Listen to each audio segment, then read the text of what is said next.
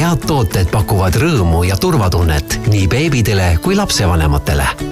oleme peredele rõõmu ja turvatunnet toonud kakskümmend aastat, sest teame, mis on parim. tule Nordbaby kauplustesse või osta kiirelt ja turvaliselt meie e-poest nordbaby.com. järgneb ravimireklaam Elevit Pronatal on vitamiinide ja mineraalainete komplekspreparaat, mis on kliiniliselt tõestatud, toetamaks sinu lapse normaalset arengut alates esimesest päevast kuni raseduse lõpuni. sinu beebi heaks tähelepanu, tegemist on ravimiga. enne tarvitamist lugege tähelepanelikult pakendis olevat infolehte. kaebuste püsimise korral või ravimi kõrvaltoimete tekkimisel pidage nõu arsti või apteekriga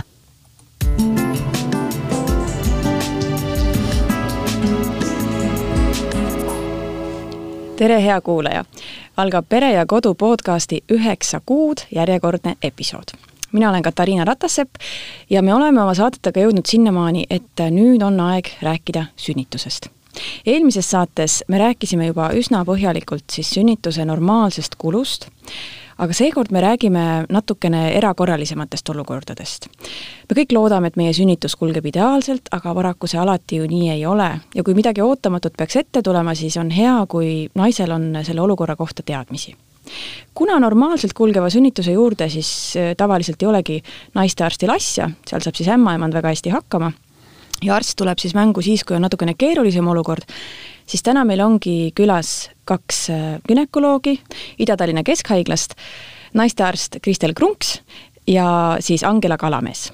ja nemad räägivad meile siis natuke keerulisematest olukordadest juba, nagu juba mainisin. nii, alustame siis äh, täitsa esimesest küsimusest, et mis need keerulisemad olukorrad üldse on, mis sünnitusel võivad ette tulla? Et nagu te ütlesite, siis tegelikult äh, enamus naisi või tegelikult seitsekümmend protsenti naisi äh, saab äh, sünnitada ämmaemanda toel. aga kolmkümmend vajab siis äh, ka arsti sekkumist. ja mis need erakorralised situatsioonid siis võivad ette tulla. näiteks erakorraline keiser, et erakorralise keisriga sünnib, sünnitatakse siis viieteistkümnel protsendil. Et keisreid Eestis üldiselt kokku Äh, sünnitustest on kakskümmend protsenti, nendest osad on siis ka plaaniliselt keisrid, aga erakorralisi keisreid on siis nii, et tuleb viisteist protsenti sünnitustest. siis võib-olla teine niisugune suurem grupp on need, kes, äh, kes sünnitavad vaakumi abil, kas seda siis on vaja äh, lapse kiiremaks väljaaitamiseks või siis ema ei suuda niivõrd, niivõrd hästi pressida. Ja siis järgnevad äh, Äh, erakordsed situatsioonid äh, võivad tekkida siis peale lapse sündi. et üks on siis see, kui lapse need pea sünnib ära, aga sinna ei järgne näiteks õlgade sündi. et seda esineb väga harva, aga see on ülimalt eluohtlik situatsioon ja tegelikult öeldakse, et kui lapse pea on välja tulnud, siis keha peaks kindlasti sündima järgneva viie minuti jooksul et muidu see võib siis lõppeda isegi lapse hukuga, et sinna kindlasti, see on väga kiire väljakutse ja sinna kindlasti tulevad siis äh, kõik valves olevad naistearstid, et aidata. Ähm, ja mis siis veel sünnituse järgselt võib äh, ette tulla, on näiteks äh, veritsus, et kõigile naistele me siis teeme selleks, et vältida veritsuse teket, teeme sellist profülaktilist ravimit nagu oksüdotsiini ja seda soovitatakse siis teha esimese minuti jooksul.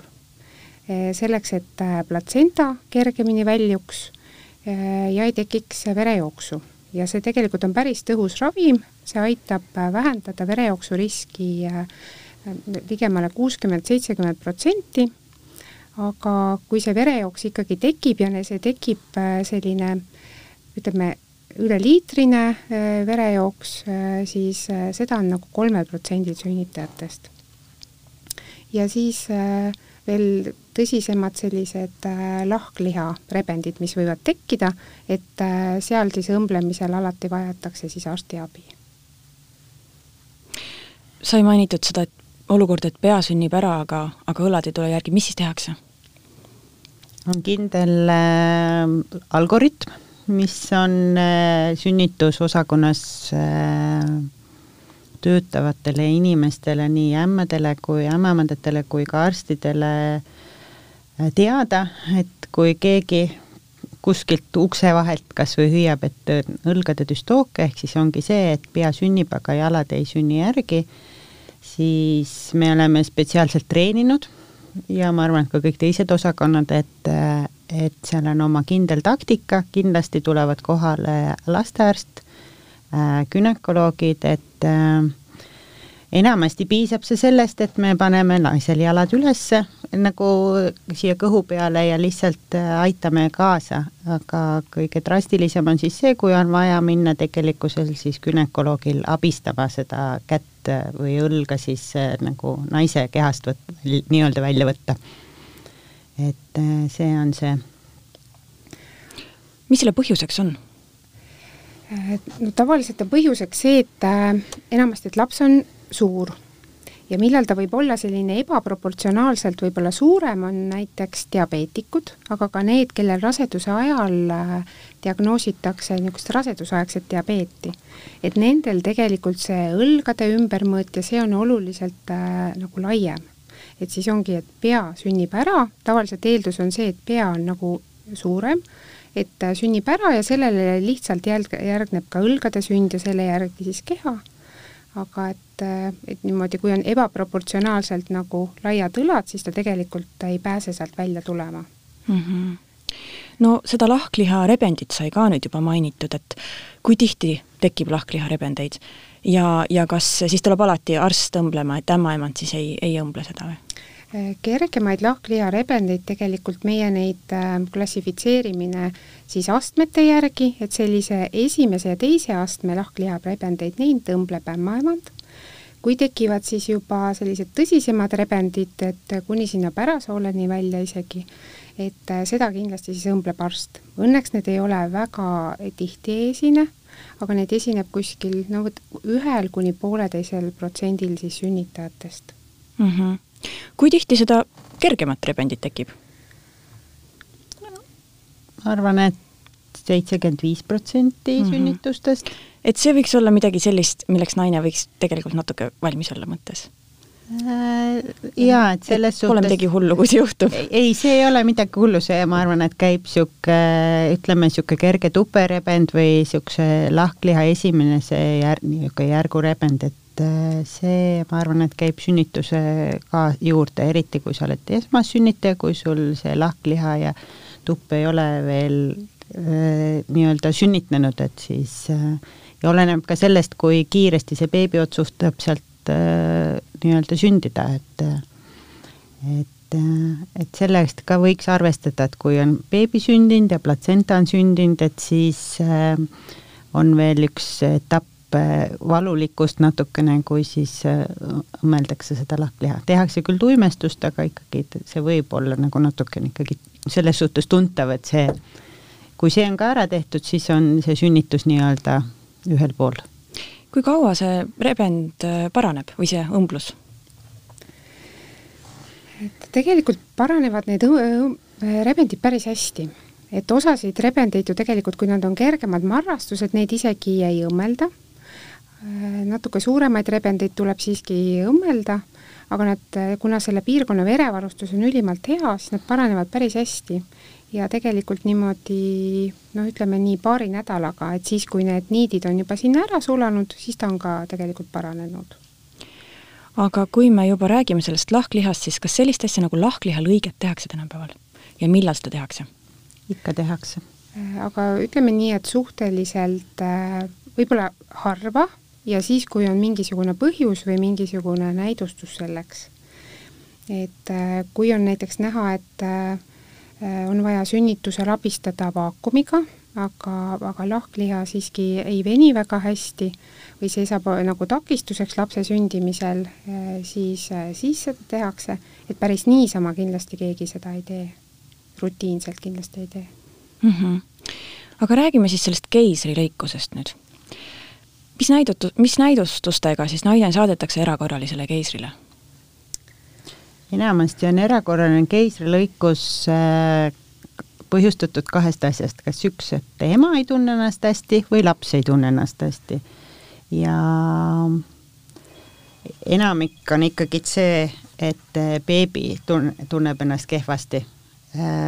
ja ütleme, erakorralises situatsioonis paljud on ikkagi see, et on siis lootehüpoksia, ehk siis see, et laps ei tunne ennast selle ema kõhus hästi, et tal on hapnikupuudus või tal on tema ressursid selleks sünnitamiseks on nagu ammendanud.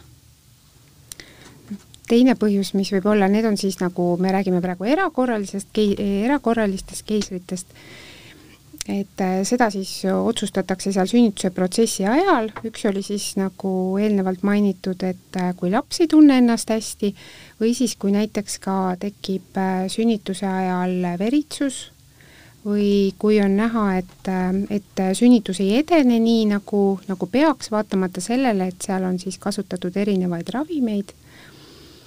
Ja kui on siis kahtlus ka, et, äh, et äh, laps äh, et see vaagna, et see lapse pea ja see vaagna kuidagi ko-, ütleme siis kas või koostöö on nagu see, et, et, et see beebi pea ei ole suuteline või siis ei mahu nii-öelda sinna sünnitusteedesse, et sinna, et see tuppe kaudu sünniks. et see on ka, et äh, et meie ütleme selle kohta tavaliselt funktsionaalselt kitsas vaagen, kui see tuleb, naine lahkub sünnitusmajast enda epikriisi või paberiga ja on kirjutatud selline funktsionaalselt kitsas vaagen, see enamjaolt tähendab seda, et see kas mõnikord see beebi on enda pea sättinud kuidagi nõndaviisi, et, et ta ei mahu sinna sünnitusteedesse vaginaalselt sündima või siis ta lihtsalt on äh, nii suur, et äh, nagu kaalu poolest suur. et äh, aga siin tuleb ka kindlasti ära mainida, ma arvan seda, et äh, see, kui esimesel sünnitusel on selline diagnoos olnud, et see ei tähenda kohe seda, et järgmine sünnitus peaks ka kindlasti olema keisrilõikus, et teie järgmine beebi võib-olla on kas palju väiksem või see beebi pea on ennast kuidagi sättinud või see sünnitegevus on kuidagi teistmoodi kulgenud, et selles suhtes see ei tähenda seda, et siis kohe järgmine kord peaks ka keisrilõikus selle tõttu olema mm. -hmm. kuidas keisrilõikus üldse välja näeb? kui kaua see kestab äh,? Keis-, keisrilõikus enamasti ütleme, kui on see, et äh, läheb ilma probleemideta, siis ma arvan, et äh, nobedamad teevad selle kahekümne viie minutiga, aga ütleme niisugune kuskil pool tundi kuni tund on enamasti võiks see olla, sinna vahele jääda. päris siis operatsioon ise, aga sinna muidugi on äh, ettevalmistus, tuleb ju valutustuda ka, et siis äh, enamasti tehakse keisrilõige mitte üldnarkoosis, vaid et naine on ärkvel, tehakse siis seljasüst. Ja see võtab ka aega, no tavaliselt niisugune kümme minutit, veerand tundi ja seda teeb siis anestesioloog ähm.. naisele see kuidagi valus ei ole siis? mis asi? see, see lõikus ise et selles suhtes anesteesia mõte ongi see, et naine siis ei tunne, et kui tehakse seljasüst, eks siis on tegelikkuses see, et naine ei tohiks tunda valu, ta võib tunda, et tema nii-öelda kõhus midagi tehakse, toimetatakse, aga see kindlasti ei tohi tal olla valus et selline puudutuse tunne võib nagu jääda, et ta tunneb, aga valus ei tohi siis olla, et seda siis eelnevalt siiski nagu proovitakse et kui on valus, siis saab teha ka täiendavaid selliseid valu vaigistavaid ravimeid, et. kas keisrilõikus võib titale kuidagi ohtlik olla äh,? See on niisugune nii ja naa küsimus, et oleneb, äh, millises situatsioonis see on, et kui me lähme plaanilisele keisrilõikusena, et siis äh, üks äh, selline äh, mis nendel beebidel aeg-ajalt, äh, ütleme, kui see on täiskantud rasedus ja meil on plaaniline keisrilõikus, et siis me püüame alati informeerida perekonda, et tegelikkuses mõnikord nendel lastel võib esineda seda, et nad ei saa enda hingamisega kohe ise hakkama, sest äh, nii-öelda neid võetakse sealt mõnusalt soojast pehmest kodust välja, hops, et äh, siis nad vajavad seda lastearsti tube, tuge korraks, natukene poputamist, et see lapse kops saaks ilusti ise hingama hakata, et see on nagu niisuguse plaanilisel keisril. Ja erakorralistel keisritel me enamasti ikkagi teeme neid noh, poole ja üle poolte kordadel ikka sellepärast, et ta ei tunne ennast seal kõhus hästi, et äh, et siis me ikkagi, ma arvan, et me päästame rohkem seda beebit sealt mm. halvast heasse et üks, mis on, on, kui on seesama, mis me rääkisime, et see emakakael on täis lahti, aga see beebi pea ei lasku sinna sünnitusteedesse, et vaginaalselt sünnitada, siis äh, mõnikord võib olla ka see natuke raskem, see keisrilõikus nii äh, beebile, et siis nad ka vajavad seda lastearsti tuge.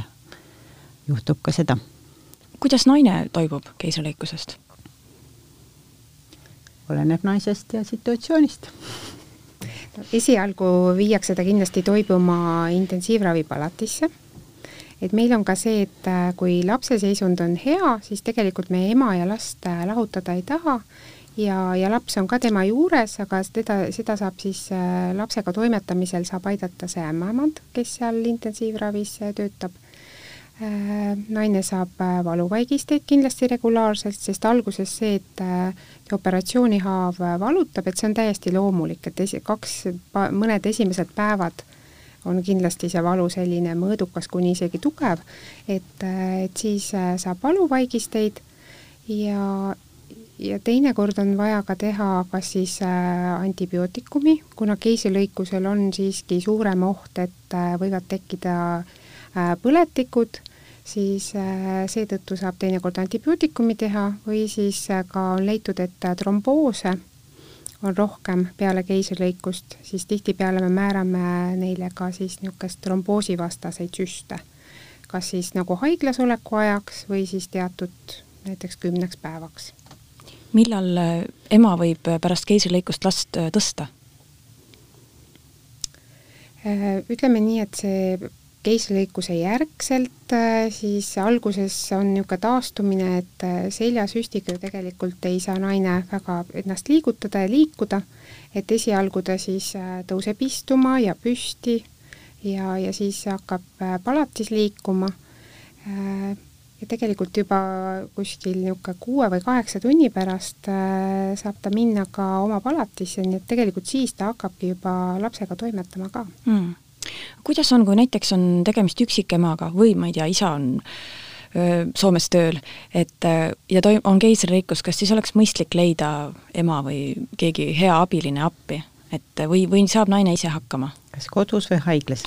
kodus ma mõtlen siis juba näiteks ma arvan, et see on ka selles suhtes individu-, alati on hea, kui on abi olemas loomulikult aga et me näeme ka, et inimeste või naiste valulävi on ka väga erinev, et eh, üks toim-, hüppab meil kohe voodist püsti peale kuute tundi ja ei, ei soovi seda valuravi, mida me oleme selles suhtes ordineerinud ja teine ei saa ka kolmandal päeval nagu valuvabalt ringi käia, et et ma arvan, et see on naise enda otsus mm. -hmm et meie enamasti alati julgustame ikkagi esimestel päevadel võtta, teha kasutada korralikku valuravi, mis me anname, sest meie eesmärk on see, et ta oleks, et naine oleks valuvaba, et ta saaks võimalikult hästi ringi liikuda ja et ta saaks enda lapsega tegeleda, et see on ka talle endale, ütleme täpselt selle tromboosi riski suhtes on see hea. Mm ja, ja see on ju tegelikult loomulik, et see haav ja kõht on hell peale operatsiooni, et selles suhtes ja me kasutame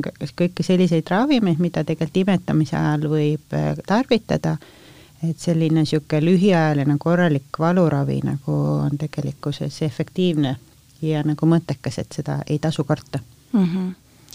hästi, räägime nüüd natukene vaakumsünnitusest.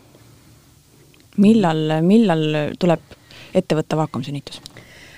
Vaakumiga tuleb abistada siis äh, jällegi, kui, kui laps tunneb ennast äh, kehvalt, aga on juba äh, näha, et siin keisrilõiget ei ole enam võimalik teha, et laps on siiski laskunud nii palju sinna vaagnasse, et siis me saame lapse kiiremaks siis väljaaitamiseks aidatagi lisaks ema siis pressimisele seda vaakumiga või siis on teine, et kui ema on väga väsinud ja ei suuda last välja pressida, et siis me saame ka natukene seda kergendada nagu vaakumi abil.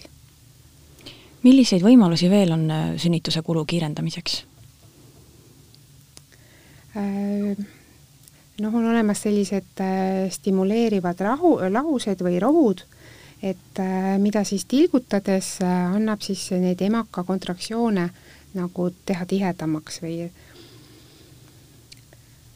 või üldse oodata, et hakkaks, et mõnikord on niimoodi, et naisel puhkevad looteveed, aga tegelikkuses eh, sinna ei teki niisugust regulaarset sünnitegevust järgi, et me oleme teatud aja ära ootanud, aga ikkagi te ei ole seda sünnitegevust hakanud, et eks siis üks hetk tekib lihtsalt see, et eh, üle selle hakkab tekkima infektsioonirisk ka, et tegelikult looteveed on puhkenud ja siis me ka tegelikkuses hakkame seda sünnitust esile kutsuma äh,, selle no okei okay,, siis on ka tegelikult kaks varianti, et üks, kui see emakakael on hästi ebaküps, siis me anname sellist lahust äh, misoprostooli näol, mis siis tegelikkuses võiks seda emakakaela pehmendada ja seda emaka nagu e-, neid kontraktsioone tekitada.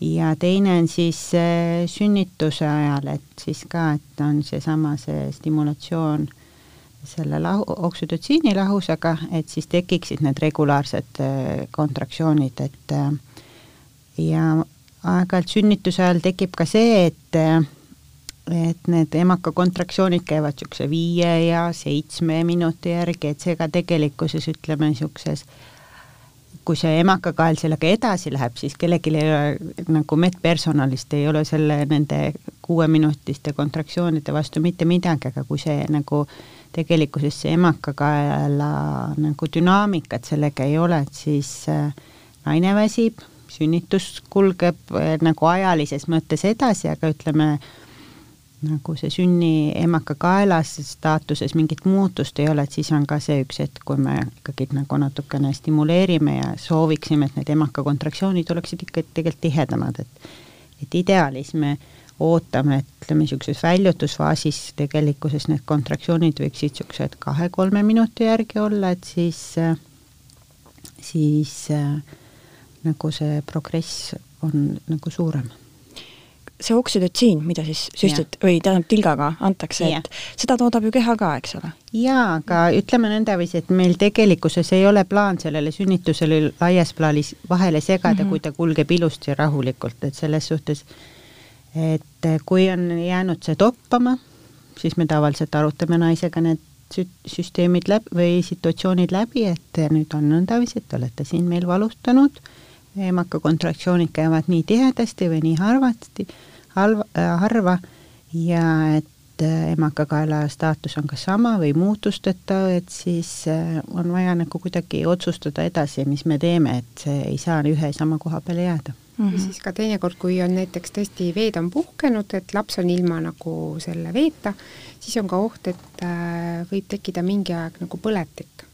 et siis ka selleks, et ikkagi laps nagu turvaliselt ära sünniks ja turvalise aja jooksul, et siis me hakkame vaikselt seda niisuguseid emaka kokkutõmbeid nagu kiirendama, et siis, siis ei teki põletikku, ei siis lapsel ega emal siis mm. -hmm ma mõtlesin jah seda, et see oksüdotsiin ei ole siis mingisugune võõras keemiline aine, mida karta, vaid see on siis, ta on hormoon, eks ole ja mida teda, siis oma keha ka toodab ju. ja seda tõesti tegelikult, kui me teeme seda nagu tilgutina, siis see on väga niisugused äh, väga väikesed kogused, mis me teeme. et äh,, et see on, see on niisuguse imeväike kogus, et mm. -hmm. aga räägime nüüd veel natukene ka valutustamise võimalustest haiglas. tegelikult äh, eks haiglas ole neid, äh, on need võimalused kindlasti äh, äh, põhimõtteliselt on neid rohkem kui, kui kodus, aga seal on siis ka nii need mittefarmakoloogilised meetodid, kui siis ka, ka saab kasutada erinevaid ravimpreparaate ja ka näiteks seda epiduraalanalgeesiat. et äh, tegelikult see, et, eh, et sünnitaja saaks nagu valuga hakkama ja sünnitusega hakkama, et ta peab suruma seda oma sellist eh, ärevust ja stressi alla, et ta saaks nagu lõõgastuda, et, et selleks on ju mitmeid meetodeid, et öeldakse seda, et tegelikult kui, kui sünnitaja teab, et mis sünnituse ajal nagu toimuma hakkab, et millised on need meetodid, kuidas saab nagu seda valu leevendada et juba see annab talle kindlustunde. siis ka see eh, noh, hästi oluline või üks, üks väga-väga oluline on see, et tugiisik sünnituse juures, kes ka niimoodi talle tekitab sellist turvatunnet ja, ja aitab ka palju kergemini lõõgastuda. ja muidugi sinna juurde on siis kõik erinevad äh noh, on hea, kui ta valdab muidugi hingamistehnikaid ja, ja võib kasutada ju ka haiglas sellist äh, muusikat ja aroomiterapiat ja siis tugiisik võib tal teha näiteks massaaži aroomiõlidega.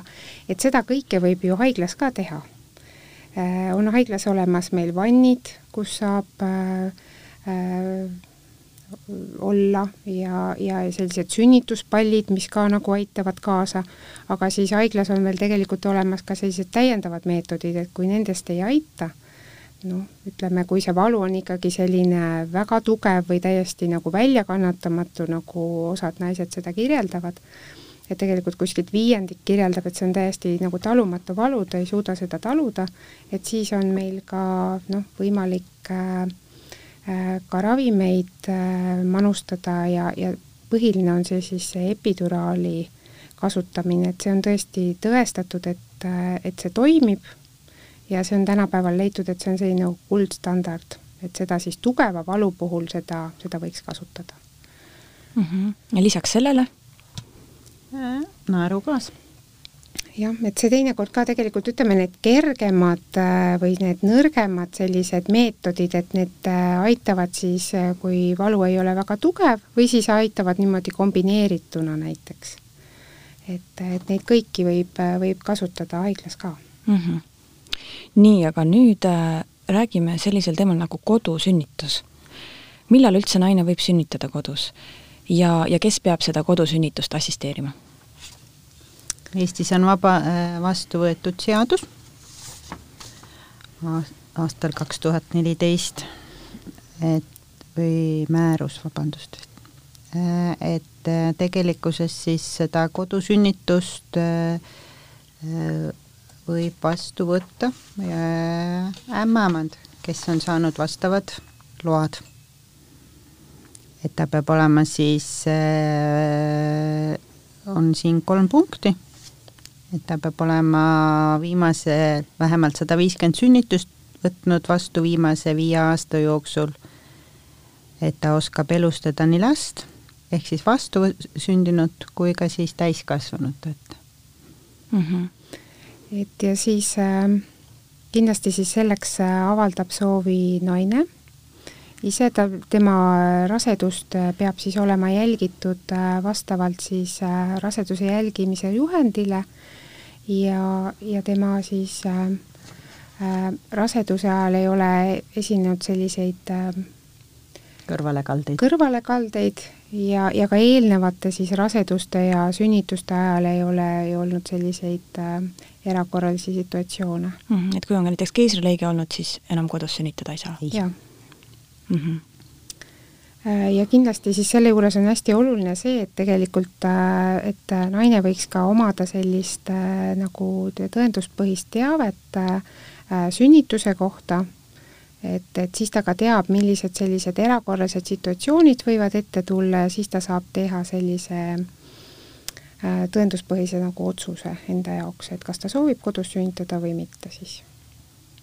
kui kaugel peab haiglast olema?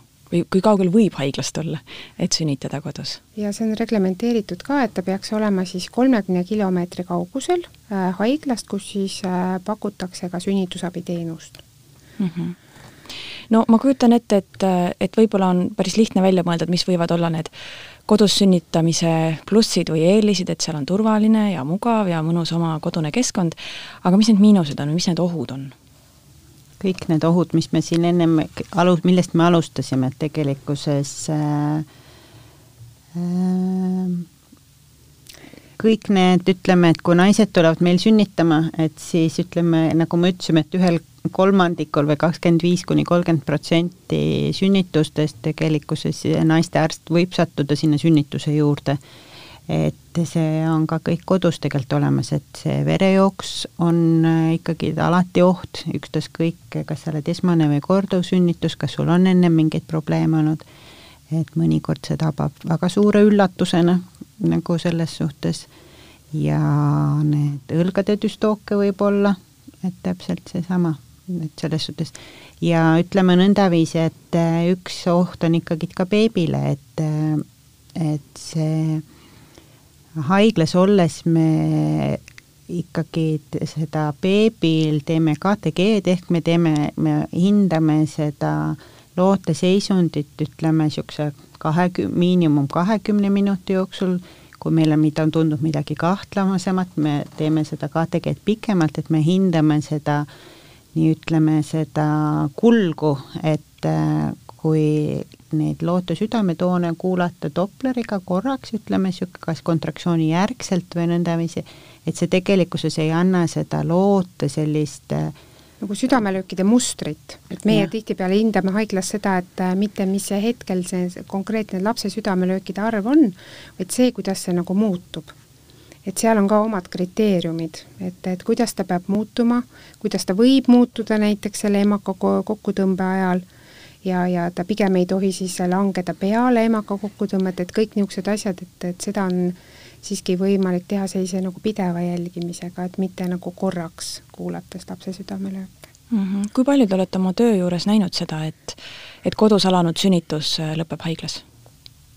Äh, ütleme nõndaviisi, et äh, me niisuguseid drastilisemaid situatsioone me ikkagi aeg-ajalt näeme, kui meil tuuakse kiirabiga naine kas siis laps kõhus või laps mitte enam kõhus, et niisuguseid väga drastilisi juhtusid juhtub küll harva, aga need jäävad sellest väga hästi meelde. et ma arvan, et see jääb ka mitu aastat hiljem meelde, et nagu selles suhtes, et selline situatsioon on juhtunud, et et Eestis ei ole ju tegelikult kodusünnitust ei ole ju palju, et kui me vaatame nagu aastate jooksul, see, see arv jääb kuskil noh, erinevatel andmetel ütleme kolmekümne kuni seal kuskil kuuekümne, seitsmekümne vahele et äh, ja nendest äh, noh, meie näiteks haiglasse on ju neid äh, sünnitusabi pakkuvaid haiglaid siis mitmeid, et me oleme siin Põhja-Eestis üks kahest suuremast, et sinna ikkagi aastal üks või kaks juhtub täiesti sellise eluohtlikus seisundis naist. Mm -hmm. no aga siis on olemas ju veel kindlasti ka planeerimata kodus sünnitused. et mis tuleks siis teha, räägime selle ka igaks juhuks läbi, et kui laps sünnib ootamatult kodus, siis tuleb kiirabisse helistada, eks ole? siis tuleb ruttu kiirabisse helistada. või noh, niipea, kui on vähegi võimalik, et, et kohe ikkagi kiirabi, sest mm -hmm. kiirabis on olemas ka noh, vastavad rohud, et, et ei tekiks näiteks verejooksu, nad hindavad ka selle olukorra üle, et ja enamasti toovad siis ka äh, haiglasse, et siis, siis saavad äh, ämmaemandad ja arstid siis üle vaadata, et mm. -hmm. no kui naisel on näiteks suur haiglahirm ja ta soovib siis sellepärast just kodus sünnitada, siis, siis kuidas teie teda maha rahustaksite, et kuidas saab haiglas ennast tunda kodusemalt ja, ja hubasemalt ja turvalisemalt? ma arvan, et kõige tähtsam on see, see oma tugiisik sealjuures, et see on vist kõige olulisem. et kindlasti on võimalik sinna võtta kaasa mõningaid oma asju, neid ei saa küll olla kindlasti väga palju, aga ma arvan, et see, see tugiisik on nagu kõige-kõige tähtsam.